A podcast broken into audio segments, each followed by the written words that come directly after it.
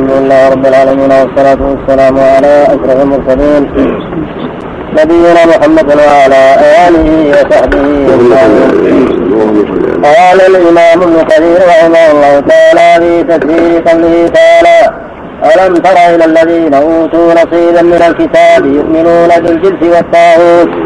أما الجبت فقال محمد بن إسحاق عن حسان بن قائد عن عمر بن الخطاب أنه قال الجبت السحر والطاغوت الشيطان. نعم قائد. نعم.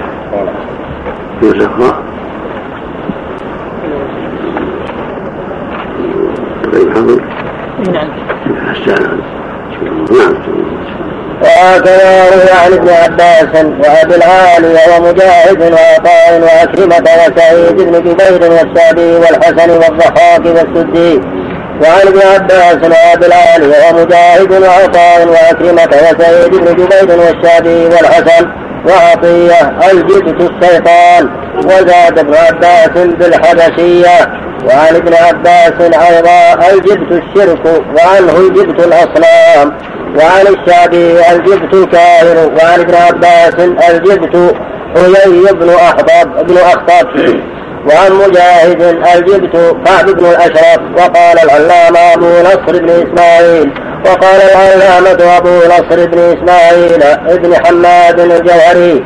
أبو نصر. إسماعيل. ابن ما هو موجود؟ أبو نصر إسماعيل. وقال العلامة أبو نصر إسماعيل بن حماد الجوهري في كتابه الصحاح الجبت كلمة تقع على الصنم والكاهن والساحر ونحو ذلك. يعني أنها من كل شيء لا خير فيه، كل شيء ضار لا خير فيه يطلق يطلق على الجبت الصنم والساحر والكاهن والمشرك والشيطان وأشبهه. الله نعم انه موجود يا شيخ نعم حسان بن قيم من رواه من حسان نعم جميل حسان قال محمد بن اسحاق عن حسان بن قائد محمد بن اسحاق نعم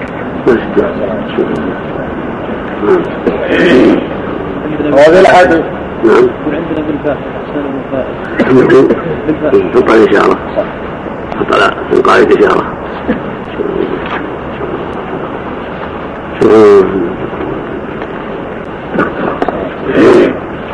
وفي الحديث الطيرة والعياذة والطرق من الجبت قال وليس هذا من محض العربية لاجتماع الجيم والتائر كلمة واحدة من غير حرف ذو لقي. وهذا الحديث حرف ذو لقي. ذو لقي. ليش من غير ذو لقي؟ ذو لقي؟ ذو لقي؟ حط عليها راجع راجع الجوهر الصحاح حط على غير حرف النور راجع الصحاح يجيب. ذو لقي شيخ حروف الدلاله في نفي أحسن الله إليك. حط عليه. نعم. وهذا الحديث الذي ذكره رواه الإمام أحمد في مسنده. فقال حدثنا محمد بن جابر حدثنا عوف بن حيان بن العلاء. حدثنا قتل بن وهذا الحديث الذي ذكره رواه الإمام أحمد في مسنده. وقال حدثنا محمد بن جعفر حدثنا عوف بن حيان. عن حيان. ابن أبي جميله عن حيان.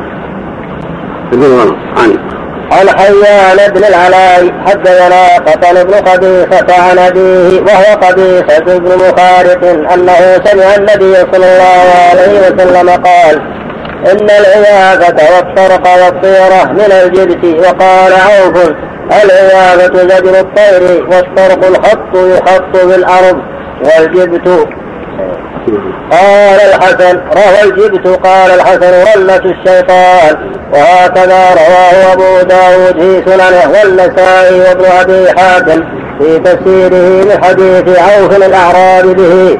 وقد تقدم الكلام على الطاغوت في سورة البقرة. قال أبو الأمر جبت السحر يكون هذه من أنواعه ولهذا ذكر الشيخ محمد بن رحمه الله. في باب بيان شيء من السحر هذا الحديث في هذا الباب باب شيء من السحر هذا قول عمر من الإغاثة والطغو والإغاثة والطغو والطغو من الجبت من السحر مما يتعاطى الناس وهو من جنسه السحر كونه ضارا غير نافع. لأن الإغاثة زي الطير عاف يعيش إذا زجر وحدث. كان العرب في جدها الطيور. تزعم أنها إذا تيامنت أو تشاءمت كان هناك شيء. ومن خرافات الجاهلية ومن ضلالاتها. والطرد خطوط يحطونها في الأرض يزعمون أنها تدل على أشياء من علم الغيب. وضرب من الحجز والظن والخرص والتلبيس وبعضهم يستعمله تلبيسا عندما يستخدم به ويجمع الاشياء فيخطون هذه الخطوط ويستخدم ويجمع عن بعض امور الدين مما قد تطلع عليه الجن اما من حوادث الأرض واما أو مما يفترق من السماء. والطيرة كذلك للتشاؤم. فهي كلها خفيفة كالسحر الخفيف ولهذا جاء في الحديث من الجلد والمعنى على والأئمة اللغة من الجلد كان من الشيء لا خير فيه من الأشياء الباطلة التي لا خير فيها. لأنه لا حقيقة لها والعياذ لا حقيقة لها والطرق لا حقيقة له كله باطل والطيرة التشاؤم لا حقيقة له. كما قال النبي صلى الله عليه وسلم لما سئل عن الطيرة قال ذاك شيء يجد احدهم صرفه ولا يصدرن التشاؤم لا وجه له. كانت إذا يتشاءم الطيور. وبغير الطيور؟ وربما خرج بعضهم بحاجته ويرى طيرا عائفا أو يرى حيوانا فيه نقص فيتشاءم كان يرى حيوانا مقطوع الذنب أو مقطوع الأذن أو أعور أو كذا فيتشاءم ويرجع عن حاجته. كل هذه من الخرافات الباطلة. التي لا لا أساس لها؟ وهكذا زيرها زي الطير يعني يخاطبها ويقول لها ماذا عندك؟ ويزورها ويقول اتركي عنا هذا النعيم. ومثل ما قال بعضهم كان بعضهم مع الطاووس فمر طير فقال الرجل خير يا طير. فقال له الطاووس واي خير عند هذا؟ لا تصحبي هذه من خرافاتهم فالطير اذا لحق إما يسبح بحمد الله وإما يدعو صاحبه لشيء فانه يتكلمون من كلام يفهمه بعضهم من بعض. هذه الطيور وهذه الحيوانات. لها القاصد بصياحها قد يكون ذلك من التسبيح كما قال جل وعلا وهو من شيء لا يسبح بحمده ولكن لا تفقهون تسبيحه. فأي خير عنده إذا نعق أو غاب أو نعق طير آخر أي شيء. يحصل التشاؤم. لولا سوء الظن وما يقع من التقليد الأعمى من بعضهم لبعض فالحاصل في هذا أن التيار بأنواعها من إيافة وزيد طير وغير ذلك كلها باطلة وكلها من الشرك الذي اعتاده أهل الجاهلية. إذا ردته عن حاجة كما في حديث ابن مسعود فيه الطلعة شرك وينبغي المؤمن يرى شيء من ذلك يكرهه أن يقول ما جاء هذه أول النعم اللهم لا يأتي الحسنات إلا أنت ولا يدع السيئات إلا أنت ولا حول ولا قوة إلا بك هكذا جاء في حديث الملكة عند رسول الله صلى الله عليه وسلم. قال إنها لا ترد مسلما وأحسنها الفعل. فاذا راحت ما يكره فيقول اللهم لا يكفي الحسنات إلا أنت ولا يدفع السيئات إلا أنت ولا حول ولا قوة إلا انت ومعنى انه لا ترد مسلما. يعني مثل روي الإيمان. لا ترد عن حاجته بل يوضي أما ضعيف الإيمان فقد ترده عن حاجته. وغير ذلك لذلك ان من رده عن حاجته هو ضعيف الإيمان ناقص الإيمان. هو انه وقع عنده شيء من الشرك الأصغر شيء من الشرك الخفي من قسم الشرك الأصغر في الجمله وقد تكون الاكبر إذا راى أو ظن أو اعتقد أن هذه الطيور أو هذه الحيوانات انها تصرف في الكون أو لها. نفع وضر دون الله أو نحو ذلك من العقائد الباطلة.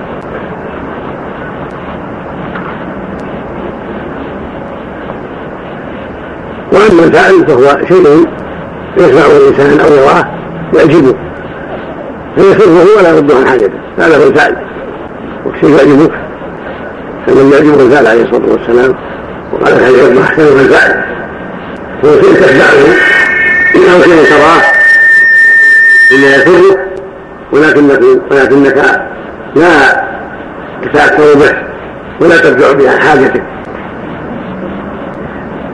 كما في الحديث الصحيح لا نظر ولا غنى لا خيار ولا اضطر ولا هذا قالوا وغير العلم والتعليم فإذا سمع ويقول يا معافى أو يمشي به مريض يسر بهذه الكلمة ولكن لم ترده الحاجة. لا نوع من الشاء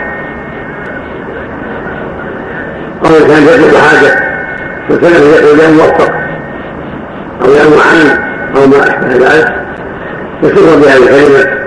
ولكنه لا لم ترد عن حاجته فهذا أيضا من الحسن وليس من القراءة نعم.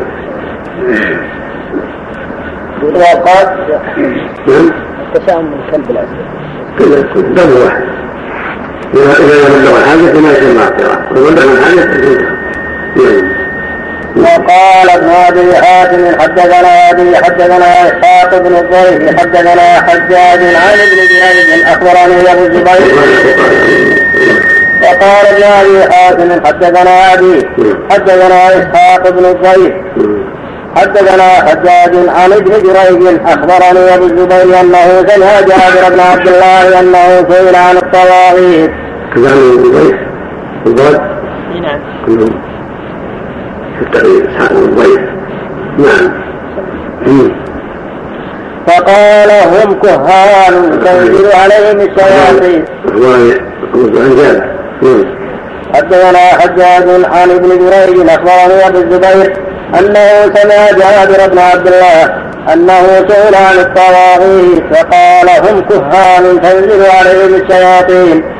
وقال مجاهد الطاغوت الشيطان في سورة إنسان يتحاكمون إليه وصاحب أمرهم.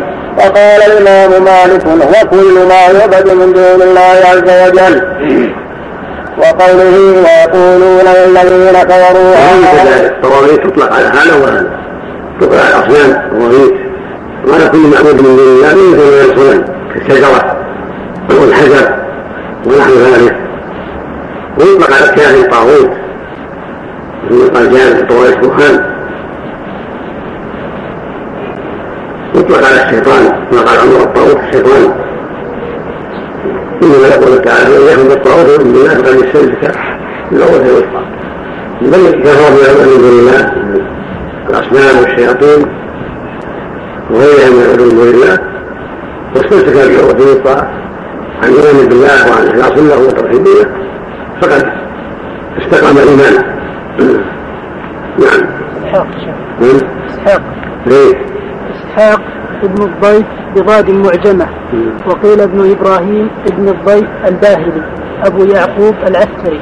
بصري نزل نعم بصري نزل مصر. صديق يخطئ من الحادي عشر. أبو داود.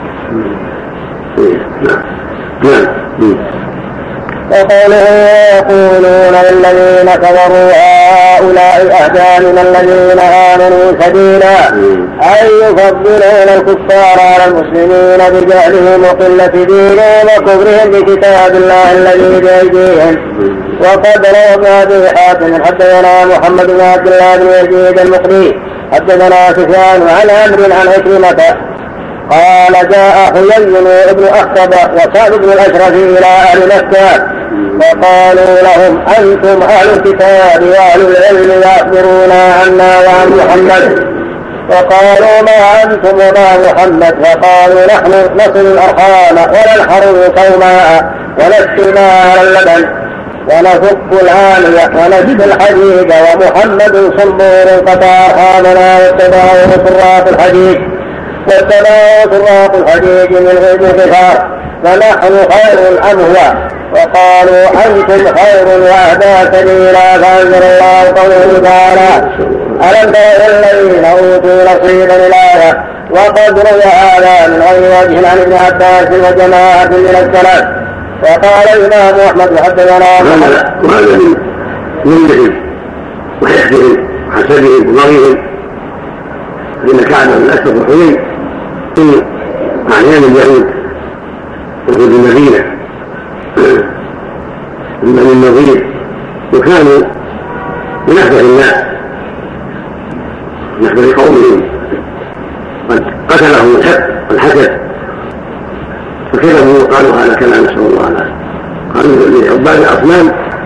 أنتم خير الله لسلم من محمد نسأل الله العافية هم يعلمون أنهم كفار وأنهم ضلال وأن محمدا الحق. ولكن من الهوى والبغي.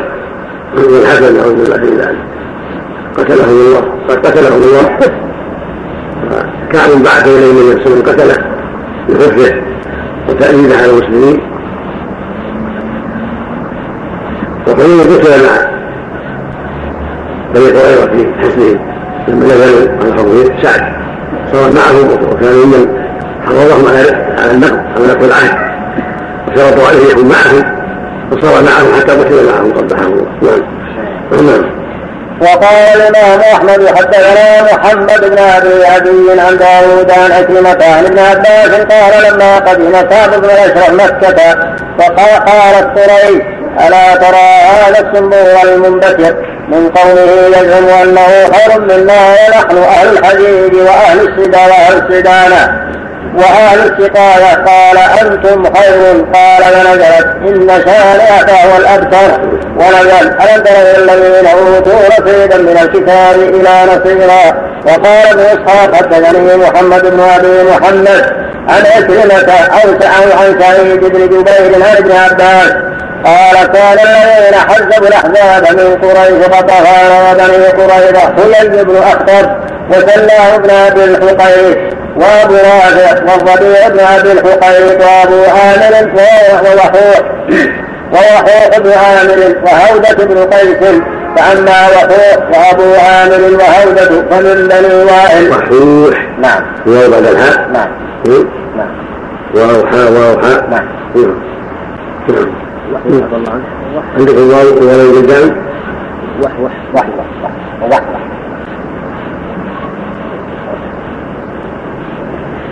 وح وح وحي حال هذا الواو الحالة الواو. وحي حال أو وحي الحال الثانية مع الواو. نعم مع الواو.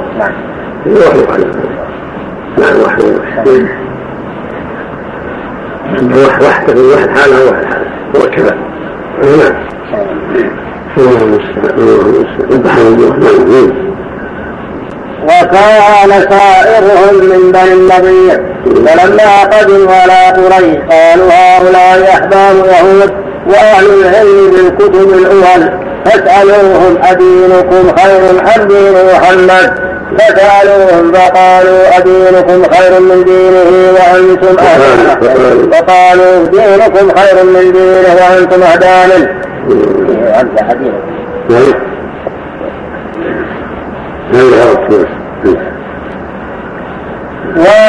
فقالوا دينكم خير من دينه وأنتم اهدى منه وممن اتبع فأنزل الله حتى كل قريش يعرفون ان الله كاذبون ولكن المسلم المبغض الحاسد يأخذ بكل شيء. وإن كان يعلم كذبا من قال الله جل وعلا قد نعلم أنه لا يحسنكم يقولون لا يكذبونه ولكن الظالم بآيات الله يجحدون كما قال في وجحد في بني إسرائيل وجحدوا بها واستكبرت عن ظلم وعلوا نسأل الله العافية المقصود أن كبار قريش وصناديد من العتبة والربيعة وشيبة والربيعة وأبو جهل أشباههم من نصر بن حاتم وأشباههم وأبناء معيط وغيرهم من صناديد يعرفون ذلك ولكنهم جحدوه وكذبوا وكذبوا عنادا وبغيا. وطلب للرياسة وتابعهم العامة دهنا جهلا نعم. فقالوا دينكم خير من دينه وأنتم أهدى منه ممن اتبع فأنزل الله عز وجل.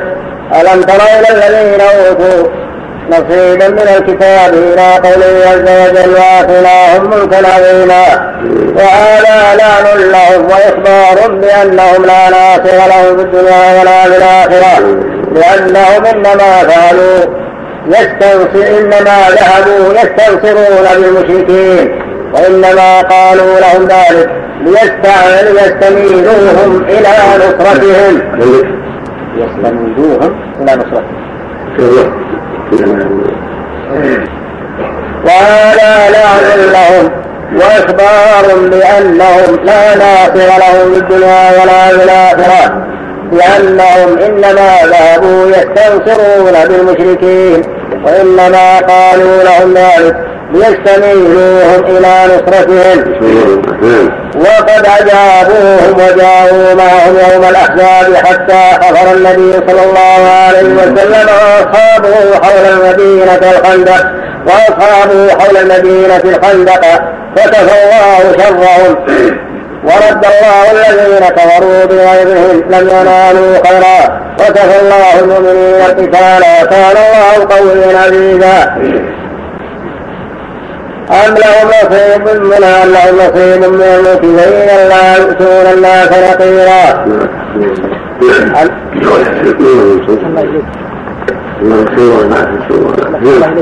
يقصدون بالصنبورة كان الشخص الذي ذكره يعني أتباع. وهو أن يسأل أولاد ولا عقد من أكثر مما قال قال الإنسان الإنسان يخلق صندوق الفرد الذي ضرب للقوم ذكره له. من الدخول منه بسم الله الرحمن الرحيم. الحمد لله رب العالمين والصلاة والسلام على أشرف المرسلين. نبينا محمد وعلى آله وصحبه أجمعين. قال الإمام ابن كثير رحمه الله تعالى في تفسير قوله تعالى أم لهم نصيب من الموت فإذا لا يؤتون الناس نقيرا أم يحسدون الناس على ما آتاهم الله من فضله فقد آتينا آل إبراهيم الكتاب والحكمة وآتيناهم ملكا عظيما ومنهم من آمن به ومنهم من عنه وكفى بجهنم سعيرا.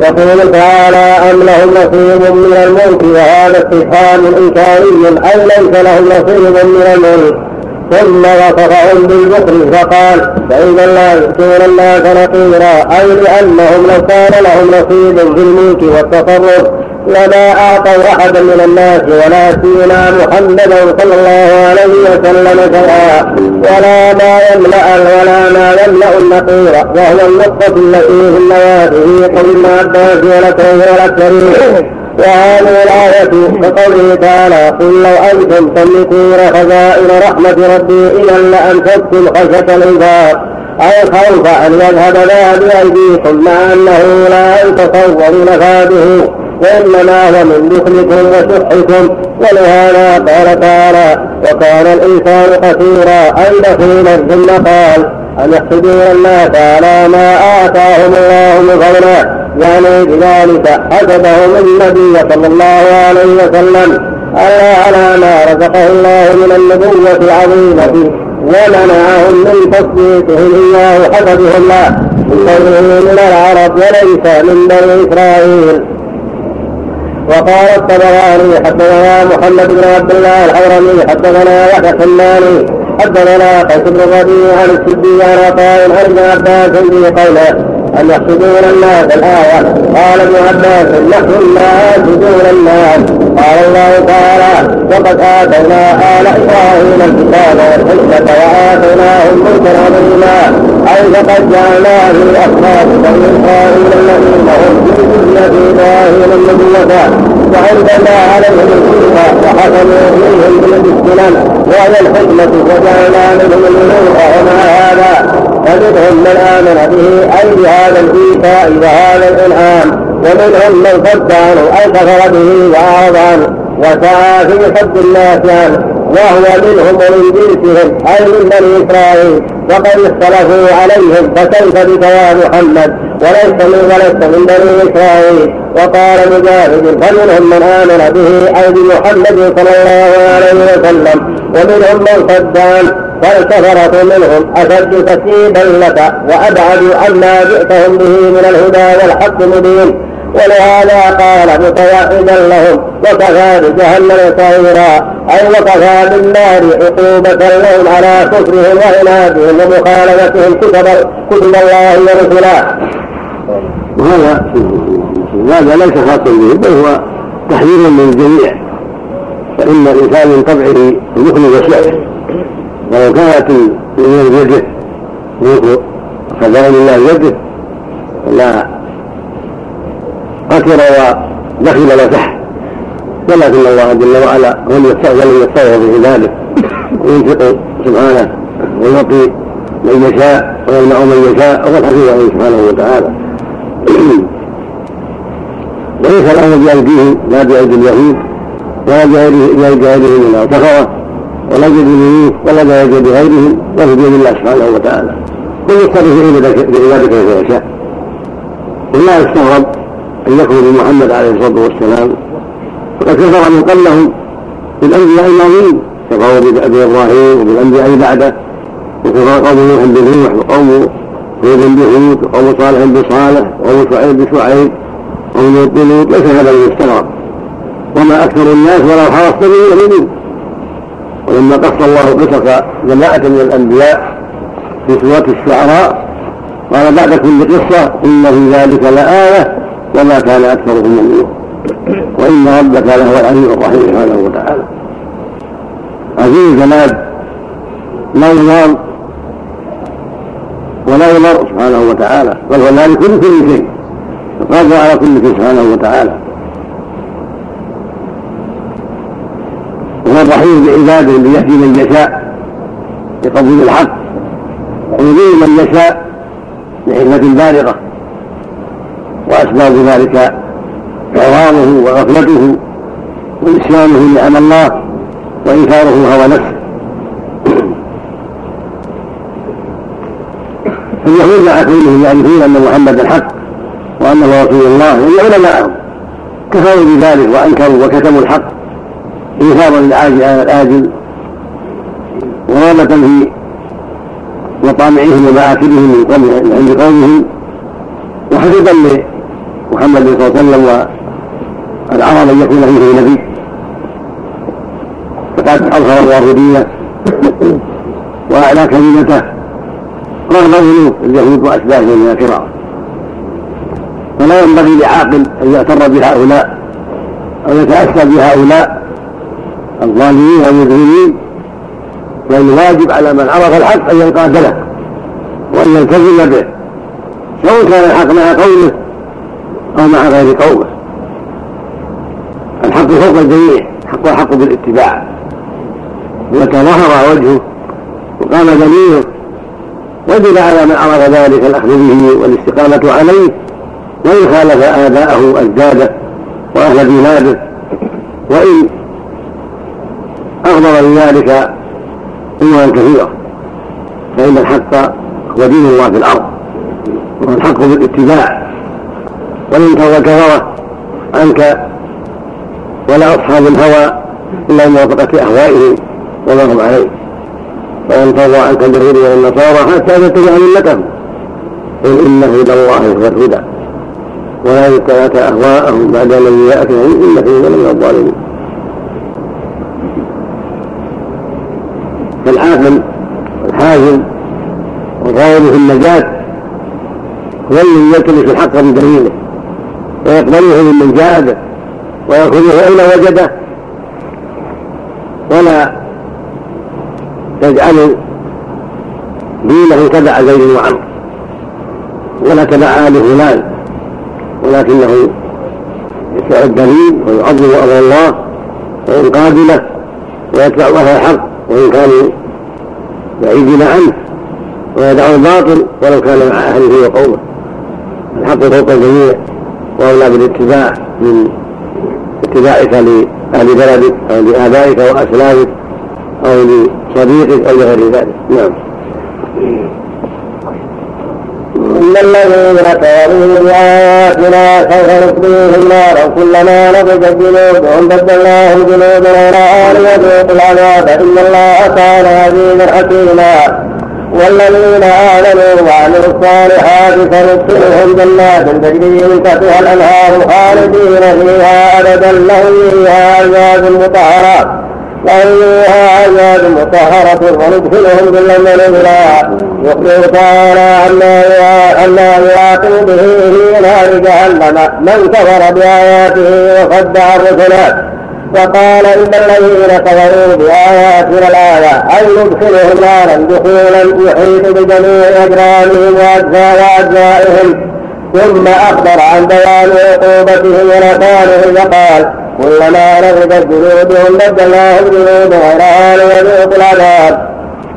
ويحيط بجميع أجزائهم وأجرامهم ثلاث سنين لا يصنع إلا الأسقى من الماء يغمر بها وتكون النار من فوقه ومن تحته الا إلا الاشقى الذي قد كفر بالله وسبق له الشقاء. قال تعالى لهم من جهنم مهاد ومن فوقهم غواش. المهاد لا تحتك. والغواش النحوس التي فوقهم من النار. فالمعنى أنه يتقلبون في النار. أنه فوقهم وتحتهم عن إيمانهم وعن شمائلهم.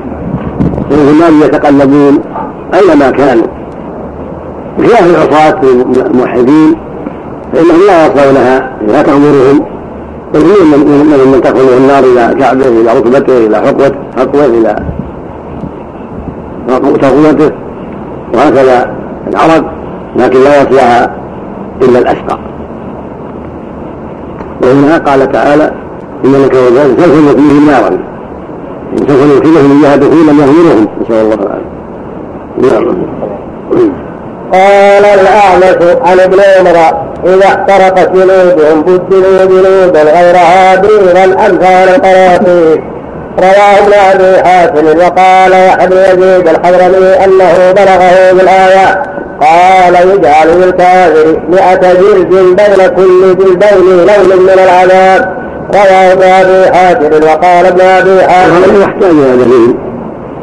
الرب جل وعلا يقول كلما نضجت جلودهم بدلناهم يوم غيرها لأنها هي التي عصت التي كفرت وهم يتلبسون بها فالمعنى تجدد لهم هذه الجنود كلما نضجت جدت له جدت لهم جنود لا على أساس تلك الجنود ومن تلك الجنود نسأل الله العافية.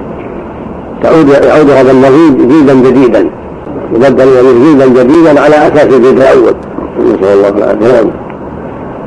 وقال ابن أبي حاتم حدثنا أبي حدثنا علي بن محمد الطرافسي حدثنا حسين الجوفي عن زائدة عن هشام عن الحسن قوله كلما نضجت جلودهم الآيات قال تنضجهم في اليوم في اليوم سبعين ألف مرة. قال حسين وزاد فيه بليل عن هشام عن الحسن. كلما نضجت جلودهم قيل لهم عودوا فعادوا.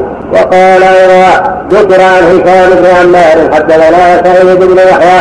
حدثنا سعيد بن يحيى يعني الثعباني حدثنا نافع مولى يوسف السلمي البصري. عن نافع عن ابن عمر قال قرأ رجل عند عمر هذه الآية. كلما لبست جنودهم بدلناهم جنود غيرها فقال عمر أعدها علي. فأعادها فقال معاذ بن جبل عندي تسميعها تبدل في ساعة مئة مرة. فقال عمر هكذا سمعت رسول الله صلى الله عليه وسلم.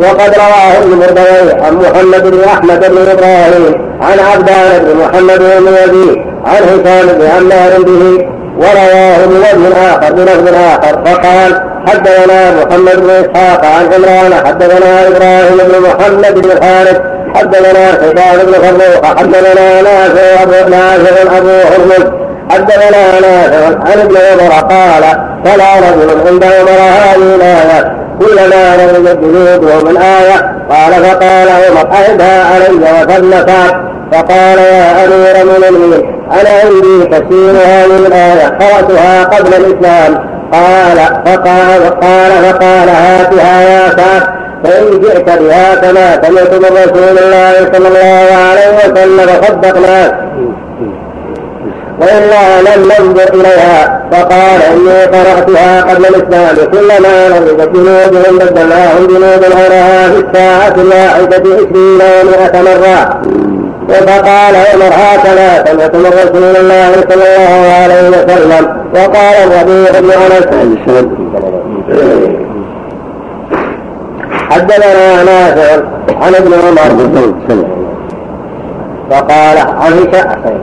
هكذا وقد رواه ابن البوي عن محمد بن أحمد بن إبراهيم عن عبدان بن محمد بن الوزير عن هشام بن عمار به ورواه ابن آخر بلفظ آخر فقال حدثنا محمد بن إسحاق عن عمران حدثنا إبراهيم بن محمد بن الحارث حدثنا شيبان بن فروخ حدثنا نافع ابو هرمز حدثنا نافع عن ابن عمر قال تلا رجل عند عند عمر هذه الآية كلما نبذت جلودهم الآية. فقال قال فقال عمر أهدى علي وثم سعد فقال يا أمير المؤمنين أنا عندي تفسير هذه الآية. قرأتها قبل الإسلام. قال وقال هاتها يا سعد فإن جئت بها كما سمعت من رسول الله صلى الله عليه وسلم صدقناك وإلا لم ننظر إليها.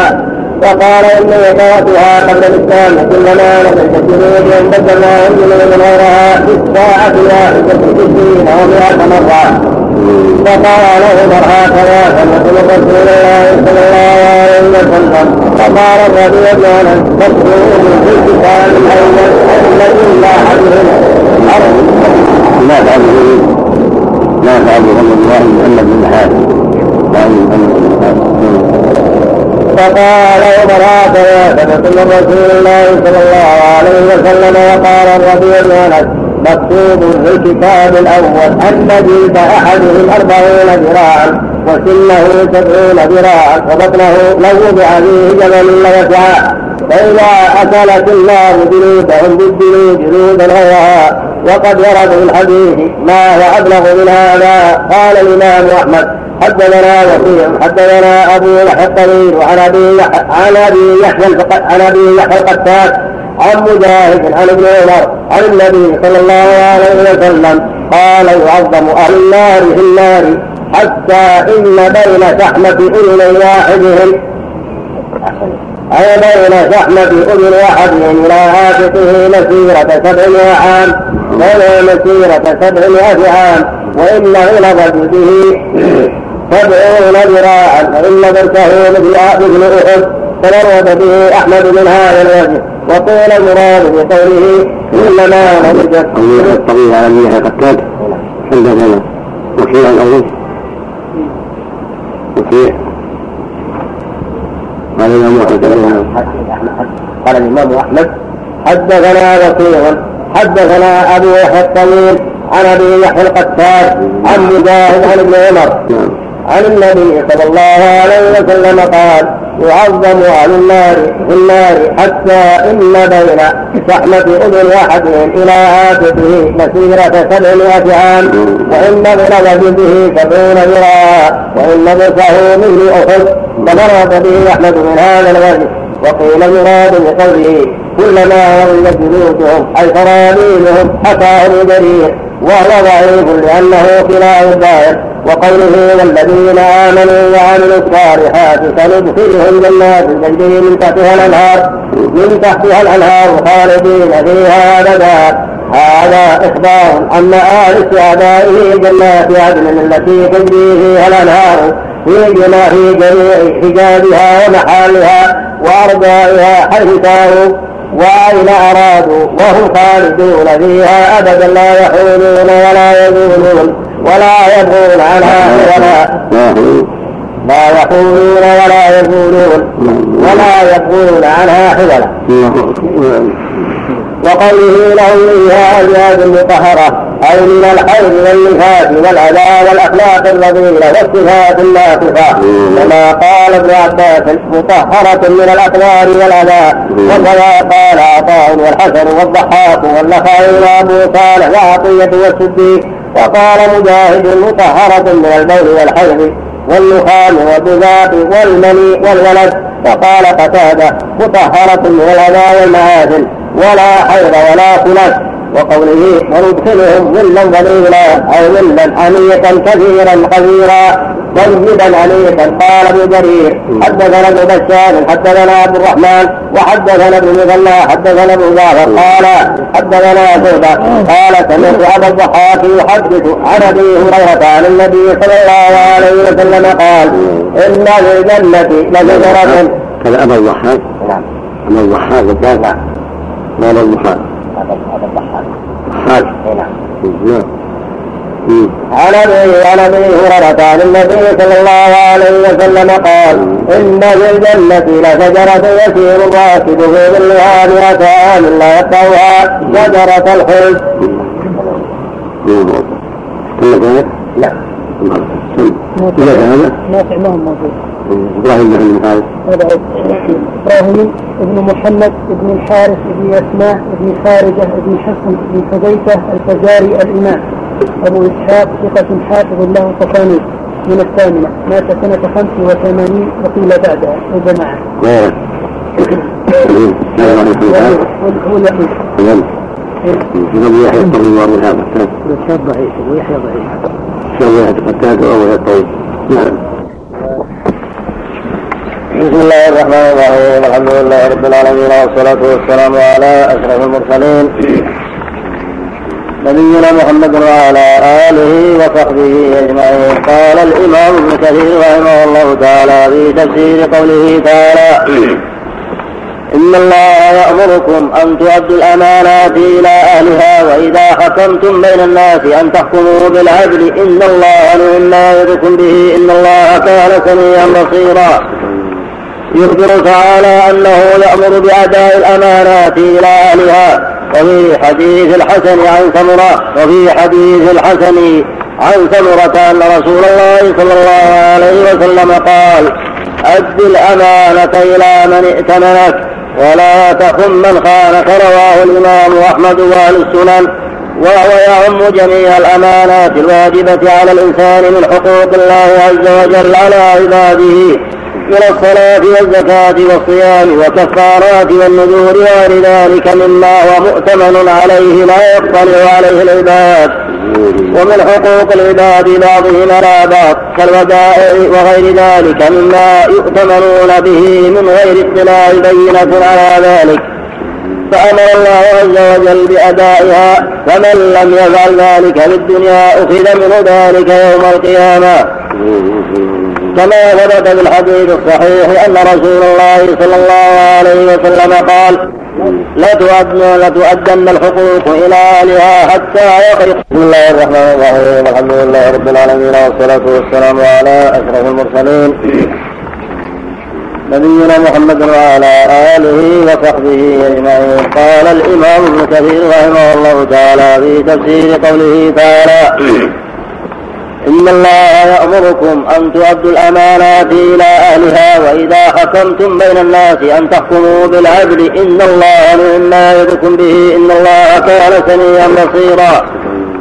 يخبر تعالى أنه يأمر بأداء الأمانات إلى أهلها وفي حديث الحسن عن سمرة وفي حديث الحسن عن سمرة أن رسول الله صلى الله عليه وسلم قال أد الأمانة إلى من ائتمنك ولا تخن من خانك رواه الإمام أحمد وأهل السنن وهو يعم جميع الأمانات الواجبة على الإنسان من حقوق الله عز وجل على عباده من الصلاة والزكاة والصيام والكفارات والنذور وغير ذلك مما هو مؤتمن عليه لا يطلع عليه العباد.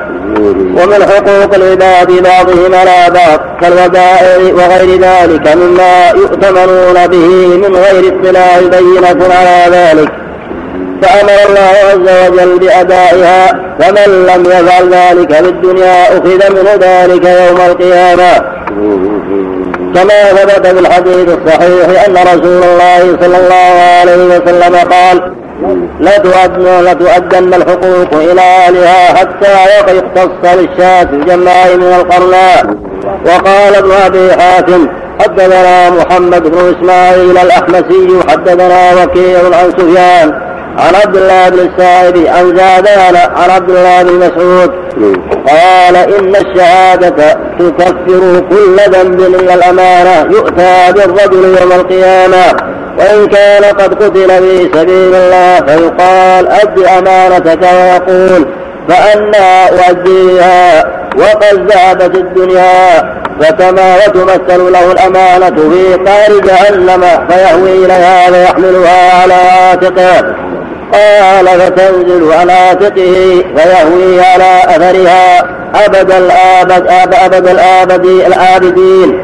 قال زادان فأتيت البراء فحدثته وقال صدق أخي إن الله يأمركم أن تؤدوا الأمانات إلى أهلها. وقال سفيان الثوري عن ابن أبي ليلى عن رجل عن ابن عن ابن عباس في الآية قال هي مبهمة للبر والفاجر وقال محمد بن حرام. معنى, ذلك أنها عامة تعم جميع الناس وأن عليهم أداء الأمانات لأهلها في الدنيا قبل الآخرة وأنها تشمل الحقوق التي لله والحقوق التي للناس. ولهذا قال النبي صلى الله عليه وسلم لتؤدن الحقوق إلى أهلها. يعني يوم القيامة إذا لم تؤد في الدنيا وأخل بها المكلف فإنها تؤدى يوم القيامة. لا تضيع على أهلها حتى يقتص للشاة الجلحاء الجنة من الشاة القرماء التي نطحتها بغير حق. وهي بهيمة فإذا اقتص للبهائم فكيف بالمكلفين كلفون أعظم والأمانات تشمل ما أكمل الله عليه العباد من صلاتهم ووضوئهم وغسلهم وزكواتهم وصيامهم وحجهم وسائر ما أوجب عليهم. فإن هذه الصلاة لو صلى الإنسان رحمك الله لو صلى الإنسان بغير وضوء من يطلع عليه؟ إلا الله الذي خلقه وشرع هذه العبادة. ولو دخل بالزكاة أو من يطلع عليه وهكذا صيامه لو أخل به أو حج فريضة ولو حج عند الناس فليخل له يطيع ذلك. هكذا بقية الأمانات. الواجب أن تؤدى كما شرع الله. الواجب أن تؤدى كما شرع الله. فإن أداها على غير ما شرع الله لم يكن مؤديا. من عمل عملا ليس عليه أمرنا فهو رد وهكذا حقوق الناس من الأمانات الودايع الرهون العواري الديون لا غير هذا مما يكون عنده للناس.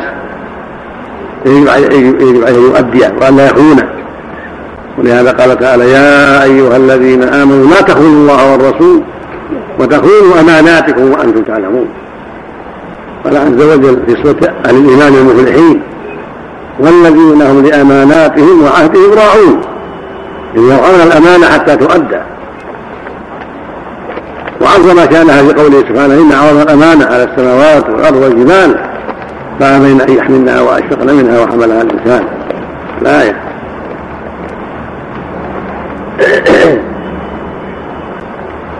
كثير من الناس لا ينتبه لهذا الأمر العظيم؟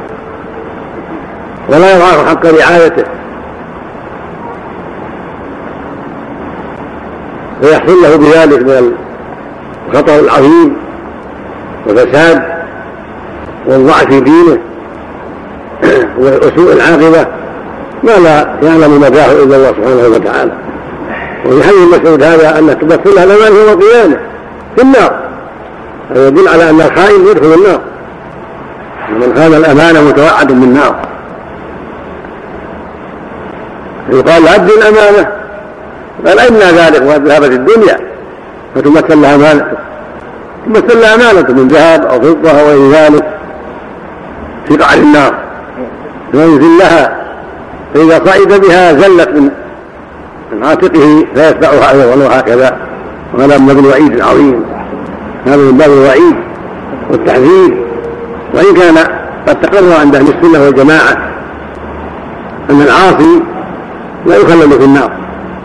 ما دام مات على التوحيد والإيمان لكنه يتوعد بالنار على معاصيه من زنا أو سرقة أو حقوق والدين أو قطيعة رحم أو أكل ربا أو شهادة زور أو غير هذا من المعاصي. يكون متوعد على ما مات عليه من الكبائر. لكن مهما كانت الحال فقد أجمع أهل السنة والجماعة على أن العاصي لا يخلد في النار وأنه إن دخلها فإنه يعذب عذابا مؤقتا خلافا للخوارج والمعتزلة القائلين بأن العاصي مخلد في النار كالكافر وهذا قول باطل عند أهل السنة قول الخوارج والمعتزلة في تخليد العاصي في النار هذا قول باطل مخالف للأدلة الشرعية. ومخالف لما تواتر عن رسول الله عليه الصلاة والسلام من خروج أهل المعاصي من النار بعدما يعذبون فيها ما شاء الله. ثم يخرجون من النار إلى نهر يقال نهر الحياة نهر من الجنة. فينبتون فيه كما تنبت الحبة في حامل السيف. فإذا تتام خلقهم أدخلهم الله الجنة. ولا يبقى في النار أبدا أحد من أهل التوحيد. ما يبقى في النار مسلم أبدا. وإنما يبقى فيها الكفار الذين ماتوا على الكفر فيخلدون فيها أبد الأبد وهم الذين قال فيهم سبحانه كذلك يريهم الله أعمالهم حسرات عليهم وهم بخارجين من النار. قال فيهم سبحانه يريدون أن يخرجوا من النار وما هم بخارجين منها ولهم عذاب مقيم. هنا ورد في بعض المعاصي من الخلود وهو خلود مؤقت تعلق به المعتزلة والخوارج ولكنه خلود مؤقت. يقول سبحانه ومن يقتل مؤمنا متعمدا فجزاؤه جهنم خالدا فيها وغضب الله عليه ولعنه وأعد له عذابا عظيما. يقول سبحانه في القاتل والزاني والمشرك والذين يدعون مع الله الها آخر ولا مسلم التي حضر الله إلا بالحق ولا يزنون ومن يفعل ذلك يلقى أثاما يضاعف له العذاب يوم القيامة ويخلد فيه محانا هذا خلود مختلف. في حق المشرك هذا خلود دائم أبد الآباد. وحق القاتل والزاني إذا كان لم يستحل القتل والزنا بل مات على التوحيد فإن خلودهما ليس بدائم بل خلود مؤقت له نهاية. ويعبر بالخلود عن طول الإقامة والعرب تعبر بالخلود عن طول الإقامة. وبعض الناس قد يخلد بما لا تطول اقامته في النار نعوذ بالله. بسبب ما مات عليه من الزنا أو قتل نفسه بغير حق أو قتل إنسان بغير حق. فقد توعد هؤلاء بالخلود في النار وإن كانوا لم يستحلوا ذلك وإن قتلوا معصية لا كفرا لكنهم خلدوا خلودا له نهاية وله وقت ينتهي إليه. ثم يخرجهم الله برحمته سبحانه وتعالى إلى الجنة لأنهم ماتوا على الإسلام ماتوا على التوحيد. ومن مات على التوحيد لا يخلد وإنما خلود من مات على الكفر بالله عز وجل. يعني لا يخلد الخلود الدائم الأبدي. ويخلد بعض العصاة خلودا له نهاية وهو طول الإقامة كما في حق القاتل والزاني كما في الآية الكريمة. وكما جاء ذلك من قتل نفسه يدخل النار مخلدا في خالدا مخلدا فيها لأنه قتل نفسه وأنه كان قتل نفسه بحديدة ويتوجأها في نار جهنم. وإن قتل نفسه بسب ويتحساه في نار جهنم. وهكذا يعذب بما قتل به نفسه نسأل الله العافية. لكنه مثل ما جاء في النصوص المتواترة لا يبقى في النار أبد الآباد بل له نهاية. وإنما يبقى فيها أبد الآباد من مات على كفر بالله سبحانه وتعالى من سائر الكفار من اليهود والنصارى والمشركين وسائر أنواع الكفرة. نعم. نسأل الله العافية. يستطيع الصبر على النار نعم. أقول من يستطيع الصبر على النار نسأل الله العافية. نسأل الله العافية. نعم. وقال محمد بن الحنفية هي عامة للبر والفاجر. وقال أبو العالية الأمانة ما أمر به ونهوا عنه. أو لا تصبروا سواء عليكم إنما تجزون ما كنتم تعملون. نسأل الله العافية. نعم.